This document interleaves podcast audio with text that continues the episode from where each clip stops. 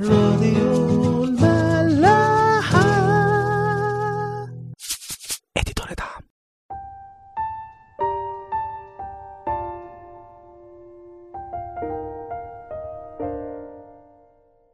أهلا بيكم في حلقة جديدة من عيش وملح. كنا وصلنا آخر مرة في قصة اللاوي وسريته إنه بعد ما ساب السرية بتاعته لرجالة مدينة جبعة اللي تبع سبط بنيامين عملوا معاها الشر طول الليل وسابوها عند الفجر فرجعت لبيت سيدها اللاوي بين الحياة والموت واترمت على باب البيت وماتت.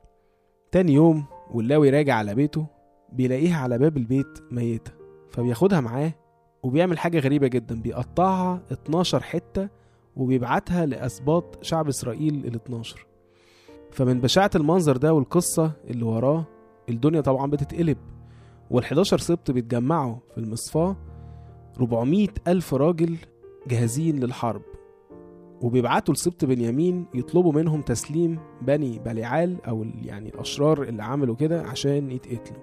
بس سبط بنيامين بيرفض تسليمهم وبيجمع هو كمان كل رجالته 26 ألف راجل غير ال 700 بتوع جبعة وبيجهزوا للحرب ضد باقي الأسباط. آخر مرة كنا حللنا شخصية اللاوي وإزاي إنه كان مرائي سواء في حبه لسريته بدليل إنه سابها لرجالة جبعة ودخل نام أو في غضبه بعد كده لما قطعها 12 حتة إنه ده ما كانش على حزنه عليها ولا على غيرته على تنفيذ وصايا ربنا لأنه ما عملش كده من الأول إنما كان عشان كرامته هو وبس. كنا وقفنا بقى لما شعب إسرائيل بعد كده بيروحوا بيت إيل ويكلموا ربنا وكنا حكينا إنه دي كانت أول مرة من أول قصة اللاوي وسريته إنه تيجي سيرة ربنا أصلا. فقبل ما نكمل عايزين بس نتكلم شوية بقى على شعب إسرائيل نفسه عشان نفهم اللي حصل بعد كده. زي ما قلنا إنه مشكلة اللاوي كان إنه مرائي ده اللي كان حاصل مع شعب إسرائيل برضه. فهنلاحظ هنا حاجة. هي كلمة قالوها لسبط بنيامين وكنا قلناها امبارح. قالوا لهم إيه؟ ما هذا الشر الذي صار فيكم؟ فالآن سلموا القوم بني بليعال الذين في جبعة لكي نقتلهم وننزع الشر من إسرائيل. وبعدين ما بيرضوش سبط بنيامين فبيقرروا يحاربوا السبط كله. والكلام ده يعني على فكرة من وصايا ربنا. هنلاقي في تثنية 13 آيات 12 ل 16 بيقول إن سمعت عن إحدى مدنك التي يعطيك الرب إلهك لتسكن فيها قولا. قد خرج أناس بنو لئيم من وسطك وطوحوا سكان مدينتهم قائلين نذهب ونعبد آلهة أخرى لم تعرفوها. وفحصت وفتشت وسألت جيدا. وإذا الأمر صحيح وأكيد قد عمل ذلك الرجس في وسطك. فضربا تضرب سكان تلك المدينة بحد السيف وتحرمها بكل ما فيها مع بهائمها بحد السيف. تجمع كل أمتعتها لوسط ساحتها وتحرق بالنار المدينة وكل أمتعتها كاملة للرب إلهك فتكون تلا إلى الأبد لا تبنى بعد. فزي اللاوي برضو هما من بره كانوا بينفذوا وصايا ربنا إنه لو في حد أو ناس أو إن شاء الله مدينة بحالها قرروا يعبدوا آلهة تانية لازم تتدمر المدينة دي بكل فيها. بس هل هما عملوا كده عشان ربنا؟ ولا عشان دمهم حمي بسبب قصة اللاوي؟ طب بالنسبة لسبت دان في القصة اللي قبليه على طول اللي يا ريته كمان عبد آلهة تانية لا ده راح سرق الآلهة بتاعت ميخا والكاهن اللي كان مأجره وخلوها الآلهة بتاعتهم وهو وولاده الكهنة بتوعهم. ما عملتوش كده ليه بقى مع سبط دان؟ لو أكيد ما كانش لوحده يعني مين عارف قد إيه من شعب إسرائيل لأن ما كانش معظمهم زاغوا عن ربنا وعبدوا آلهة تانية. ده غير باقي بقى وصايا ربنا اللي أكيد ما كانتش بتتنفذ. واللي من ضمنها إن هما ما كملوش جهادهم وطردوا الكنعانيين الأشرار من الأرض اللي ربنا اداها لهم. فهو ده بقى اللي هينزع الشر من إسرائيل. إنكم تقتلوا سكان جبعة ولا تحاربوا سبط بنيامين بحاله؟ لا. عايزين تنزعوا الشر؟ كنتوا تتوبوا الأول عن خطاياكم وبعدكم اللي بسببه في سبط بحاله وصل للمرحلة دي. وبعدين تقدروا تحكموا بالعدل. زي ما المسيح بيقول قبل ما تشيلوا القذى اللي في عينين بنيامين كنتوا تشيلوا الخشبة اللي في عينيكم. في رسالة بولس لأهل روميا صحاح التاني آيات واحد لستة يقول لنا لذلك أنت بلا عذر أيها الإنسان كل من يدين. لأنك فيما تدين غيرك تحكم على نفسك. لأنك أنت الذي تدين تفعل تلك الأمور بعينها ونحن نعلم أن دينونة الله هي حسب الحق على الذين يفعلون مثل هذه. أفتظن هذا أيها الإنسان الذي تدين الذين يفعلون مثل هذه وأنت تفعلها أنك تنجو من دينونة الله؟ أم تستهين بغنى لطفه وإمهاله وطول أناته؟ غير عالم أن لطف الله إنما يقتادك إلى التوبة ولكنك من أجل قسوتك وقلبك غير التائب تفخر لنفسك غضبا في يوم الغضب واستعلان دينونة الله العادلة. الذي سيجازي كل واحد حسب أعماله. وده اللي هيحصل فعلا بعد كده. شعب إسرائيل قبل ما بيروحوا يحاربوا بيفتكروا إن هم يروحوا بيت إيل وبيسألوا ربنا. وده اللي كنا وقفنا عنده امبارح. طبيعي إن هم يسألوا ربنا يا رب حصل كذا كذا إخواتنا حصل عندهم الشر ده وإحنا عايزين ننزعه. فنروح نحاربه ولا نعمل إيه؟ إحنا فاكرين زمان موسى كان أول ما الشعب يعمل أي شر ويتقلب عليه كان الراجل يشق هدومه ويسجد الأرض عشان كان رغم الشر ده مش عايز يحصل خناق ما بينهم. مش عايز الإخوات يأذوا بعض أو يموتوا بعض. أكيد موسى اللي ربنا شق بيه البحر مش هيخاف من شوية ناس إنما هو كان خايف عليهم ومش عايز حد يتأذي بأي طريقة. بس مش ده اللي حصل مع سبط بنيامين. ما كانش السؤال هنعمل إيه يا رب إنما السؤال كان من يصعد منا اولا لمحاربة بني بنيامين. مين اللي هيحارب فينا الأول؟ مش عارفين كانت فارقة في إيه مين اللي هيروح الأول أو هيكون في المقدمة بس غالبا كانوا برضو عندهم حتة خوف من سبط بنيامين وعايزين بس زقه من ربنا أو تشجيع يعني.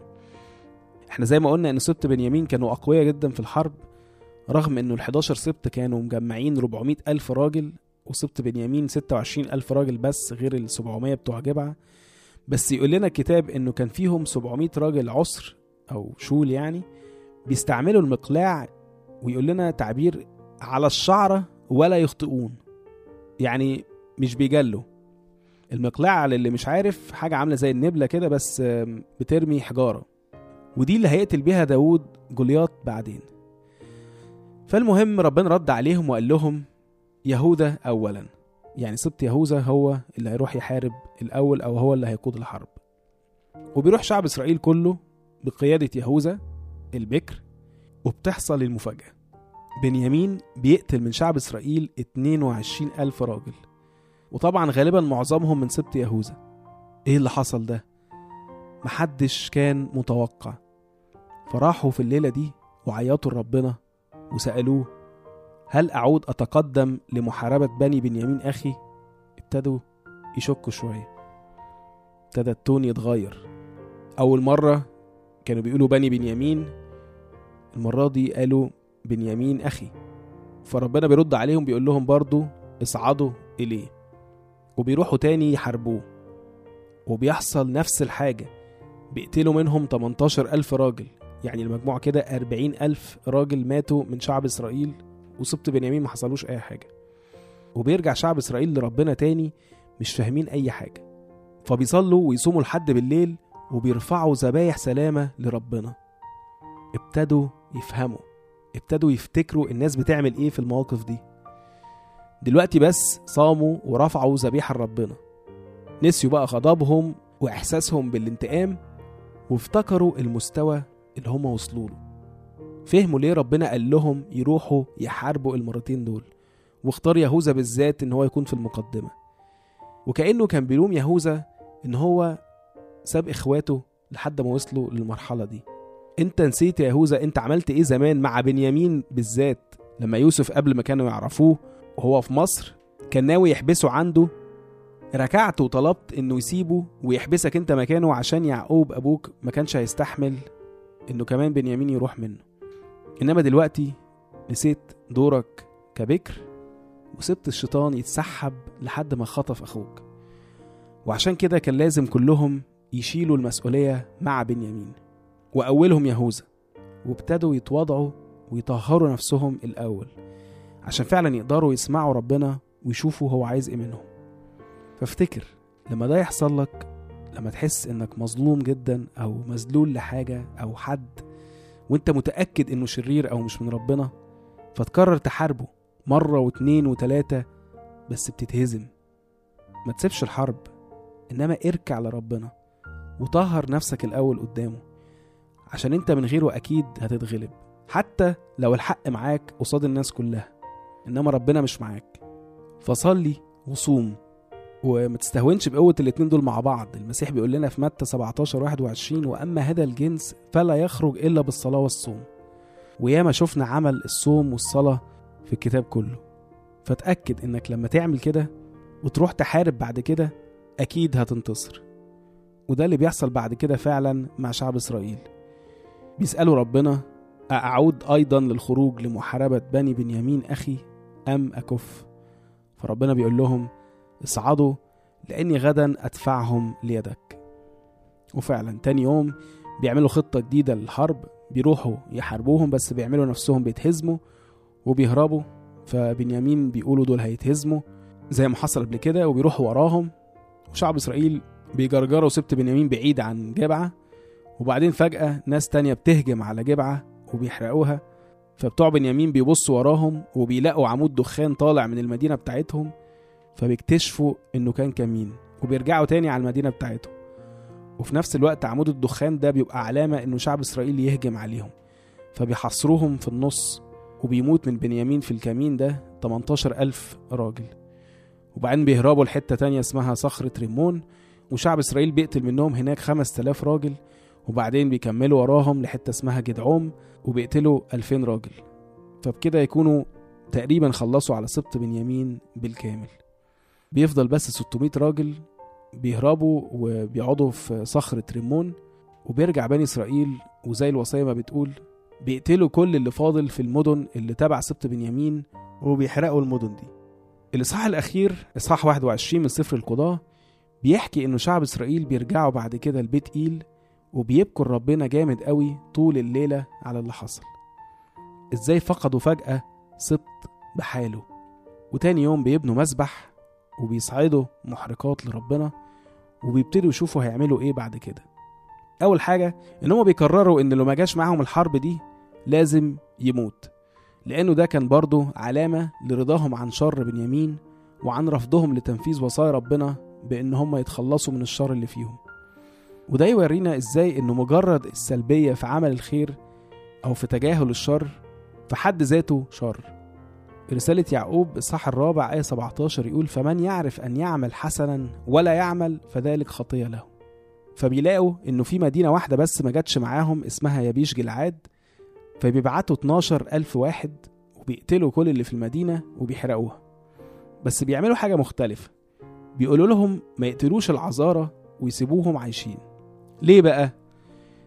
دي قصة ظريفة ممكن ننهي بيها السفر. دلوقتي هم صعب عليهم بنيامين واللي حصل فيه.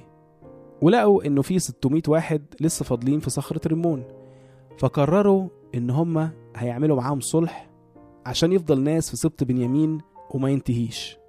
بس وبعدين؟ هيتجوزوا منين؟ ما هو باقي السبط كله انتهى. واللي زاد وغطى كمان إن هم حلفوا إن مفيش حد من شعب إسرائيل هيجوز أي حد من بناته لواحد من سبط بنيامين. فراحوا قايلين إحنا هنخلي العذارى اللي من يبيش جلعاد مش هنقتلهم وهنجوزهم للي فاضلين من سبط بنيامين. بس فضل في مشكلة برضه. العذارى بتوع يبيش جلعاد طلعوا 400 بس ودول 600 راجل.